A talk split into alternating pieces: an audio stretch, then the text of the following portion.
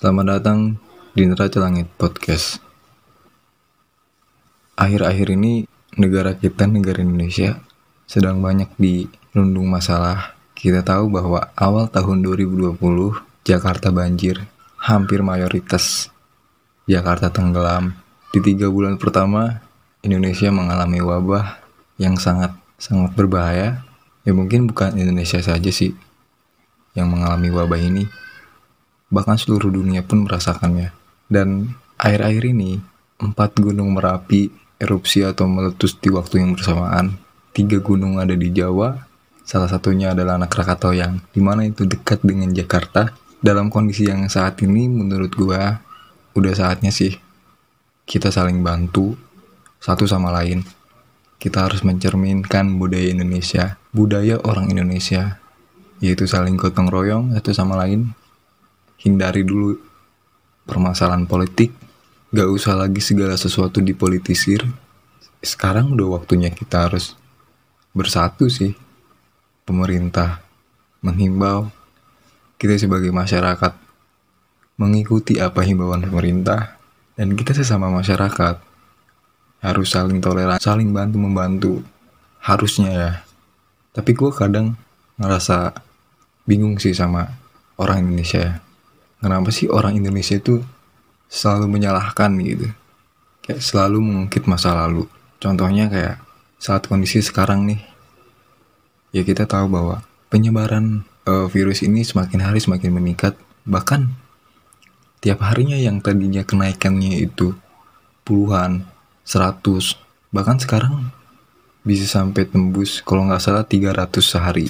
Artinya di sini bahwa ini udah semakin parah sih tapi yang disayangkan, masyarakat Indonesia selalu membahas masa lalu. Oke, gue paham sih betapa guyonnya pemerintah dulu, betapa arogannya pemerintah. Seakan-akan virus ini hanya masuk kepada negara-negara yang maju mungkin. Hanya masuk kepada negara-negara yang kuat, yang subtropis. Bilang bahwa virus ini tidak akan masuk ke negara tropis. Itu guyon sekali sih menurut gue. Dan wajar masyarakat Indonesia masih membahas masa lalu. Tapi mau sampai kapan kalau kita kayak gitu terus kan kita salahin pemerintah terus? Gue yakin pemerintah udah melakukan hal yang terbaik sih sampai detik ini. Untuk siapa? Untuk masyarakatnya jelas. Dari berbagai kebijakan yang telah dilakukan oleh pemerintah, dari informasi secara masif tentang social distancing, tentang physical distancing, dan sebagainya sih menurut gue. Menurut gue sih udah stop sih kita saling menyalahkan, kita saling bantu-membantu aja sih antara masyarakat, ya kita gotong royong. Selain hal yang kita sering menyalahkan pemerintah gue juga sedih sih sama sikap war sama sikap warga kita yang menurut gue kayak less humanity sih. Kayak rasa kemanusiaan itu udah nggak ada gitu dibutakan oleh kekhawatiran dia sendiri. Kayak misalnya banyak jenazah-jenazah yang ditolak di TPU banyak orang yang didiskriminasi karena dia perawat karena dia tahu dia bersentuhan langsung dengan korban atau dengan orang yang terpapar virus. Ya gue masih bingung sama pemikiran orang yang seperti itu sih. Balik lagi ke pertanyaan gue kenapa? Bahkan perawat pun kalau tidak ada sumpah kalau ada tidak ada tanggung jawab gue yakin gue yakin dia nggak bakal mau juga ngurusin orang kayak gitu mungkin. Tapi kenapa dia yang berusaha buat menekan penyebaran. Dia berusaha buat nyembuhin orang-orang biar penyebaran nggak lebih luas lagi. Biar orang-orang yang mendiskriminasi perawat nggak kena virus. Tapi dia masih diperlakukan seperti itu. Gue nggak ngerti sama sekali sama pola pikir orang yang seperti itu sih. Menurut gue ya udah gitu. Nggak usah lah kita harus diskriminasi. Baik lagi kita tuh harus satu saling bantu Terlepas dari itu semua, banyak juga informasi-informasi yang beredar di masyarakat tentang ya tentang hal-hal yang menurut gue kayak ini tuh kayak framing isu-isu yang yang belum jelas kepastian yang kayak hanya yang hanya sekedar dari menebak-nebak doang atau dan sebagainya kayak banyak sampai sekarang pun banyak isu-isu yang beredar di tengah wabah corona ini yang menurut gue ini makin memperkeruh sih. Sangat makin memperkeruh. Kita bisa jadi nggak percaya sama pemerintah. Ya mungkin bagi sebagian orang untuk mempercayai pemerintah itu sulit. Menurut gue itu wajar. Tapi bukan berarti kita menutup mata setiap kebijakan pemerintah. Kayak banyak sekarang nih. Isu-isu yang beredar di masyarakat. Ada orang yang bilang bahwa data yang disajikan pemerintah hari ini per hari ini pun itu bukan data yang real. Per hari ini tanggal eh per hari kemarin ya 14 per tanggal 14 April itu setahu gue orang yang udah terjangkit atau yang ada yang positif itu sebanyak 4800 artinya orang-orang beranggapan bahwa sebenarnya itu lebih dari itu angka. Angka yang yang di lapangan sebenarnya lebih dari itu banyak alasan-alasan yang dia jelaskan kenapa pemerintah itu menyajikan data yang tidak real. Kayak misalnya dulu waktu pertama waktu belum sebesar ini jadi ada kasus yang orang Cianjur itu yang katanya suspek atau sekarang PDP ya pasien dalam pengawasan yang meninggal akhirnya meninggal itu dulu pada saat itu dinyatakan bahwa dia negatif pada saat itu dinyatakan negatif oleh pemerintah tapi akhir Maret kemarin kalau nggak salah atau udah masuk April saya lupa Ridwan Kamil itu menjelaskan bahwa kan kebetulan orang tersebut di Cianjur ya jadi yang memberikan statement ini gubernur Jawa Barat uh, Pak Ridwan Kamil dia mem memberikan statement bahwa orang yang meninggal di Cianjur itu ternyata positif. Nah, mulai dari sini masyarakat, netizen, bahkan termasuk gua pun beranggapan bahwa di sini ada apa gitu.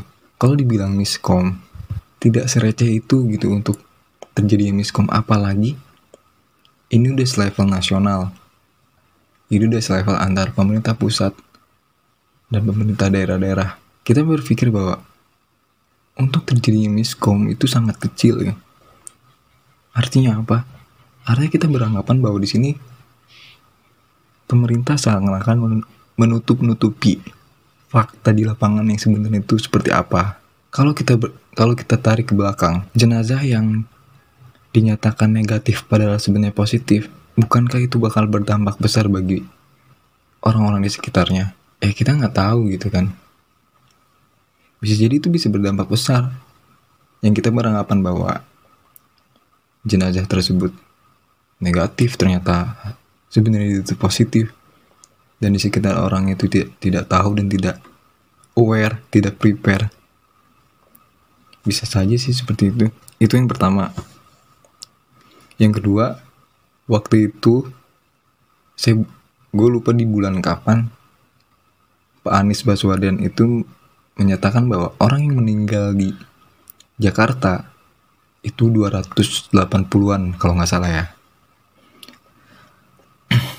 Sedangkan pada saat itu, pada saat Anies menyebutkan angka tersebut, pada saat itu di skala nasional, orang yang meninggal akibat kasus positif corona itu masih seratusan 140 atau 150 gue lu, gue lupa uh, tepatnya berapa artinya di sini masyarakat kembali menganggap bahwa di sini ada yang ditutup-tutupi.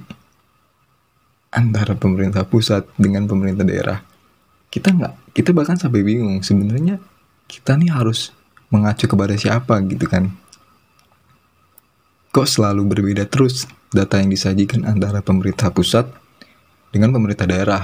Sebenarnya kalau kita lebih kritis lagi, Anies hanya menyebutkan angka 280 itu tanpa memberitahukan apakah 280 itu semuanya meninggal karena positif corona. Di situ Pak Anies tidak memberikan uh, gambaran lebih detail terkait 280 orang itu meninggalnya karena apa.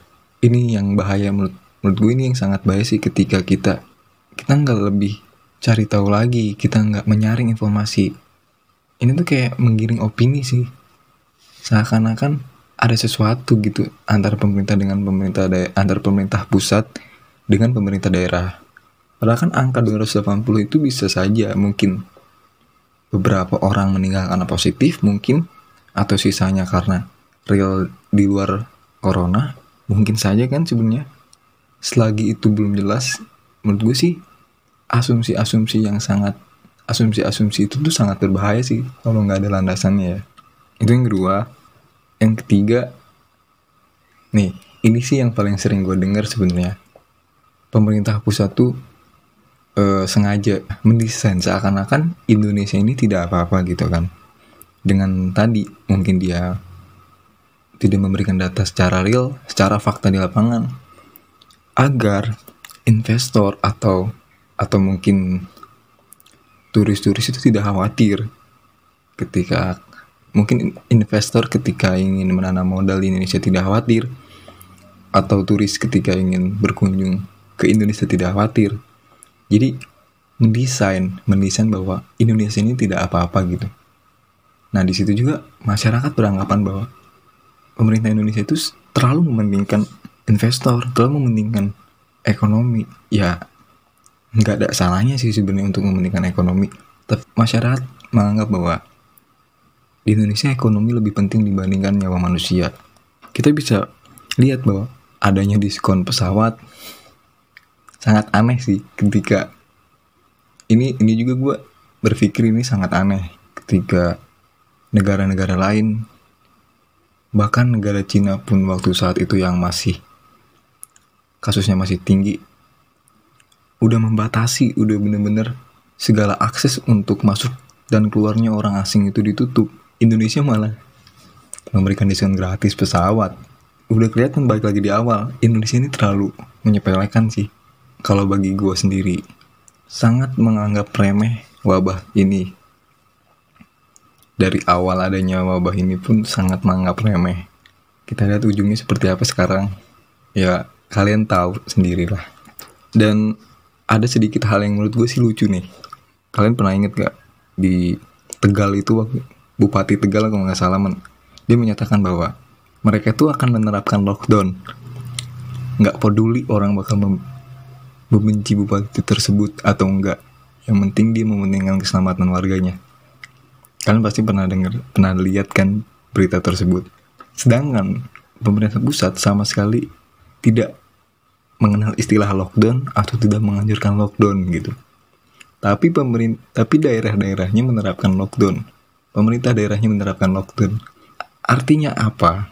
Artinya di sini adalah ada permasalahan yang membuat pemerintah daerah ini tidak mempercayai gitu dengan pemerintah pusat. Logika logikanya itu ketika ketika bawahan tidak melakukan apa instruksi atasannya, berarti ada yang salah dengan atasannya atau ada yang salah dengan bawahannya yang mungkin ngeyel atau apa.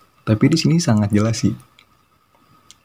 Sangat jelas kayak kontradiktif antara anjuran pemerintah pusat dengan apa yang dilakukan pemerintah di daerah-daerah. Banyak bukan cuma Tegal.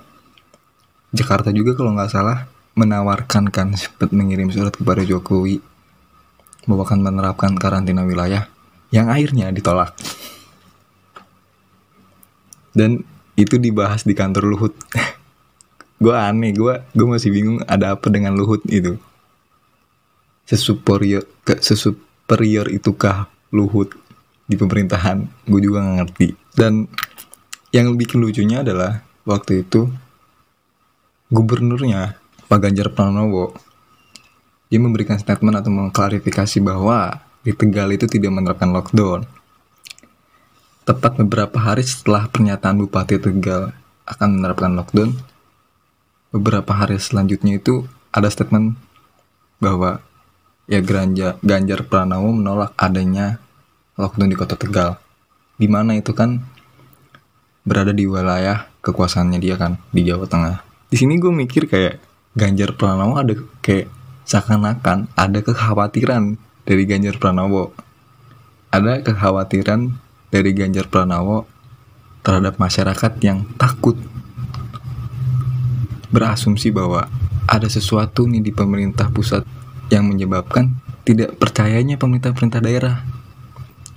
Karena tadi yang dianjurkannya apa, tapi pemerintah daerah tetap melakukan anjuran yang dia percayai bahwa itu benar gitu. Jadi terkesan takut juga nih Ganjar Pranowo terkesan takut takut masyarakat berpikir seperti itu akhirnya dia langsung meng, apa ya memberikan statement tegas bahwa tidak ada yang melakukan lockdown di daerah Jawa Tengah itu gue nggak tahu itu itu opini gue pribadi sih sebenarnya karena di beritanya sangat jelas sekali sih waktu itu Bupati Tegal sampai bilang kalau saya nggak peduli kalau ada orang yang membenci saya, saya menerapkan ini, kurang lebih seperti itu. Yang penting warga saya selamat, warga saya tidak apa-apa, warga saya terjaga. Itu udah dijelas banget di beritanya. Dan sekarang gue nggak tahu lagi kabar terbarunya. Tegal menerapkan lockdown atau enggak, ya gue nggak tahu. Terus ini sih, lagi-lagi politisasi ya. Ingat nggak waktu Anies memberikan fakta yang mungkin menurut gue itu fakta real di lapangan. Sebelum tanggal 3 Maret, tanggal di mana keluaran statement Bapak Jokowi bahwa di Indonesia sudah ada dua orang yang terjangkit virus yang terkena dari orang Jepang yang bertemu di Jakarta. Sebelum itu, Pak Anies sudah bilang bahwa Indonesia ini sebenarnya udah ada yang masuk virus corona ini. Udah ada yang terjangkit Pak Anies waktu itu udah memberikan data statistik bahwa orang yang sedang dalam masa pantauan berapa dan dan dan ternyata orang yang terjangkit pertama di Indonesia dua orang itu itu adalah orang yang yang udah dipantau oleh pemerintah DKI gitu. Artinya Anies di sini sudah mewanti-wanti dari awal. Tapi lu tahu sendiri kan reaksi dari pemerintah gimana, reaksi dari masyarakat pun gimana? Artinya masyarakat di sini lagi-lagi masih mementingkan kepentingan politik. Yang nggak suka bakal tetap tidak suka sampai kapan pun. Walaupun kita nggak tahu apa kebijakan Anies ini bener atau enggak kayak menutup mata. Ya ibaratnya udah didasarkan kebencian di masa lalu kayak ya gini tuh menurut gue di masa sekarang tuh sangat rentan sih sangat bakal memperkeruh keadaan sih kalau kita apa apa bawa politik lagi politik lagi. Nggak bakal ada beres sih malah makin memperkeruh keadaan. Dan yang lucunya pemerintah menolak secara keras bahwa aneh saya membuat warga Indonesia hanya bikin panik dan sebagainya. Tapi tiga hari setelahnya ya kita tahu pada tanggal 3 Maret keluar statement bahwa di Indonesia ada dua orang yang terjangkit virus corona setelah itulah makin terus meningkat sampai hari ini 4.300 dalam jangka waktu satu bulan lebih. Sekarang pertanyaan, apakah yakin 4.300 itu adalah data yang real, data pasti? Ya, itu balik lagi ke opini kalian sendiri. Terus, ada lagi isu yang terbaru. Ini yang sangat kontroversi sih menurut gue. Terkait kebijakan Bapak Yasona Lauli untuk, membebas, untuk membebaskan para napi dengan alasan untuk menekan penyebaran virus corona. Sebenarnya di sini Pak Yasona tidak salah sih karena dia mengacu kepada undang-undang. Emang ada haknya kepada para napi ketika kondisi sedang tidak baik-baik, ya dia seorang napi juga punya hak untuk diselamatkan atau dijaga keselamatannya. Tapi alasannya itu menurut gue nggak rasional sih ketika dia alasan membe membebaskan para napi dengan alasan untuk mencegah penyebaran virus corona di penjara. logikanya ya gue gue sampai sampai sampai bingung logikanya Pak Yasona itu gimana ya mungkin gue nggak tahu mungkin ada yang lebih tahu kayak alasannya itu udah benar tapi kalau dalam dalam logika gue nih orang yang di penjara itu kan ibaratnya dia udah terisolasi sendiri kan. Itu versi lockdownnya di penjara gitu kan. Artinya nggak bakal ada orang yang keluar masuk penjara dong. Bahkan orang di penjara pun tidak berinteraksi dengan orang luar. Ya walaupun bisa masuk lewat sipir mungkin virusnya. Akhirnya masyarakat akhirnya napi-napi dalam penjara itu terjangkit. Tapi pertanyaannya adalah kenapa napi yang harus dibebaskan? Iya kan? Napi ini udah jelas-jelas dalam penjara gitu. Dia nggak bakal bisa kontak dengan orang luar. Yang di mana berarti dia nggak berarti kemungkinan untuk terjangkit virus itu sangat kecil. Kecuali yang tadi gue bilang bisa aja lewat sipirnya yang menularkan. Berarti kan kebijakan untuk membebaskan napi itu yang nggak tepat dong. Seharusnya nggak nggak tepat dong. Makanya di sini banyak asumsi bahwa di sini yang bahaya sih sebenarnya. Banyak asumsi yang menurut gue gila gila asumsi tentang ini tuh udah didesain ini tuh sengaja dibebasin biar Indonesia chaos biar diterapkannya darurat sipil. Ini asumsi menurut gue gila tapi masuk akal. Kenapa? Kita udah sering kita tahu bahwa nggak lama dari pembebasan napi banyak kasus pencurian lagi. Banyak orang yang baru keluar dari napi setelah dibebasin terkait kebijakan ini dia dia nyuri lagi dia nyolong lagi. Dia maling lagi. Itu yang terekspos berita loh. Itu yang diberitakan oleh media. Gue yakin sangat masih masih banyak kasus seperti itu gitu. Cuma nggak terekspos saja sama media. Dan ada isu ada sekelompok organisasi besar atau sekelompok orang yang dinamakan anarko yang akan membuat kerusuhan seperti 98. Pertanyaannya, kenapa isu adanya anarko ini muncul tidak jauh dari pembebasan, pembebasan api? Artinya bisa saja dong anggapan masyarakat benar bahwa pemerintah ini udah mendesain pembebasan napi agar Indonesia chaos, agar bisa diterapkannya darurat sipil. Darurat sipil itu emang untuk darurat sipil itu diterapkan emang untuk dalam keadaan yang kayak perang, chaos, kerusuhan di mana-mana. Emang itu fungsinya untuk menerapkan darurat sipil. Tapi dalam wabah ini menurut menurut orang banyak, menurut pendapat orang. Dan yang gue tahu pun untuk memasukkan opsi darurat sipil dalam penanganan wabah corona itu sangat aneh ketika Indonesia punya landasan yang lebih tepat gitu yaitu karantina wilayah dan karantina kesehatan. Cuma bedanya adalah Indonesia di sini adalah tidak mampu untuk membiayai warga-warganya ketika dilakukan karantina wilayah atau karantina kesehatan. Akhirnya lebih memilih untuk melakukan darurat sipil. Karena darurat sipil ini dikecam banyak oleh orang, oleh masyarakat, ya akhirnya membuat desain lah, menciptakan kerusuhan, menciptakan kekeosan dengan embel-embel anarko, dan ditambah lagi dengan pembebasan api, biar tujuan dari pemerintah untuk menerapkan darurat sipil ini terlaksana sih. Itu yang sangat bahaya juga. Emang asumsi netizen itu gila-gila sih menurut gue. Tapi rasional, masuk akal gitu. Emang seharusnya kita tidak sepenuhnya percaya terhadap kebijakan pemerintah. Wajar loh kita tidak percaya dengan kebijakan pemerintah. Dalam hal ini menurut gue bukan kita membuat kekhawatiran, bukan kita menyebarkan berita hoax. Oke okay lah emang isu ini belum pasti dan bisa belum juga dipastikan salah gitu kan. Masih ada dua kemungkinan antara benar atau salah. Jadi belum bisa dibilang hoax sih menurut gue. Segala kemungkinan itu pasti ada dan segala sesuatu kebijakan tuh pasti ada tujuannya entah tujuannya baik atau enggak cuma pemerintah doang yang tahu. Nah karena cuma pemerintah doang yang tahu kita nggak tahu ya kita berasumsi dengan kejadian-kejadian yang ada. Menurut gue wajar. Kita sebagai masyarakat berpikir seperti itu sangat wajar. Cuma ya balik lagi kepada kitanya harus benar-benar mencari informasi yang lebih dalam lagi sih nggak boleh setengah-setengah agar ketika kita tahu bahwa itu hanya isu atau itu hanya ya iseng-iseng belaka ya kita bisa memberitahu ternyata itu semua tidak benar gitu. Itu sih menurut gue yang keresahan gue ya. Keresahan gue di sini gue sangat resah sih dengan kondisi ini. Masih banyak kejadian-kejadian yang entah itu dipolitisir entah itu segala sesuatu isu digoreng gitu biar menurunkan rezim ini atau dan sebagainya. Gue udah bukan waktunya. Bahkan setelah berhenti kasus ini pun seharusnya nggak usah ada kayak hal-hal seperti ini.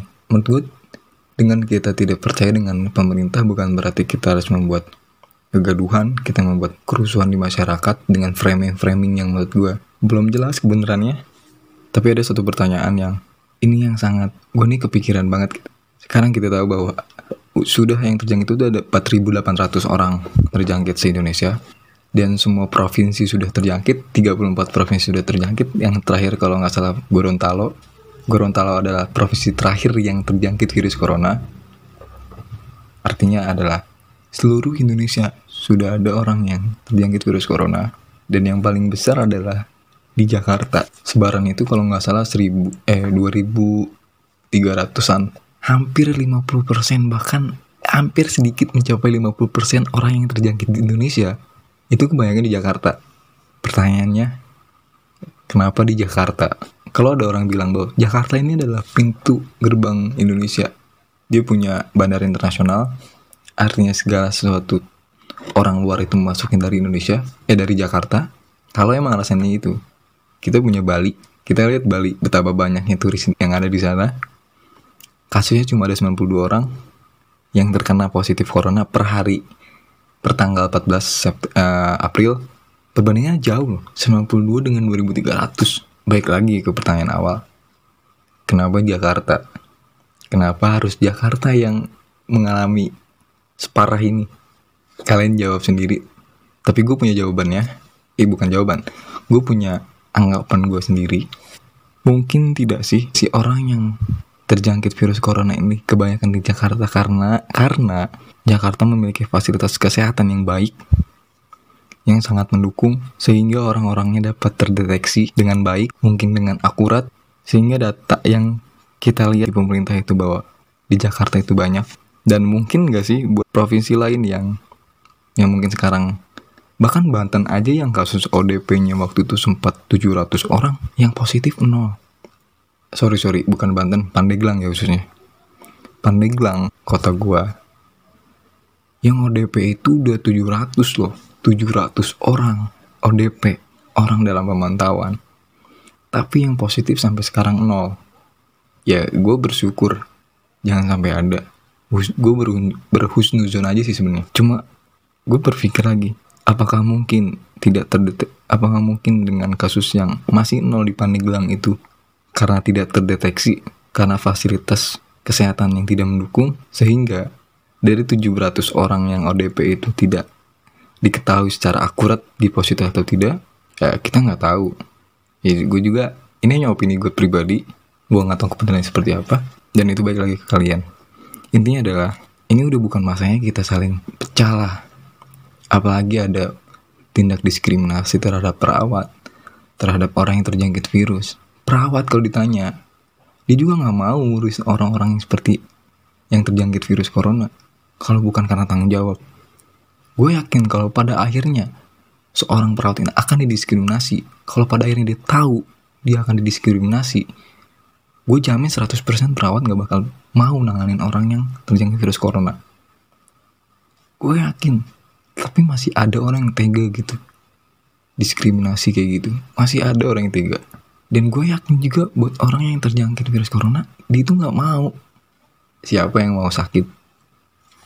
Ya ini udah terlalu lama podcast ini. Gue tahu gue takut kalian terlalu bosen. Ya gue akhiri aja podcast ini. Terima kasih telah menonton podcast neraca langit. Gue Iksan Maulana pamit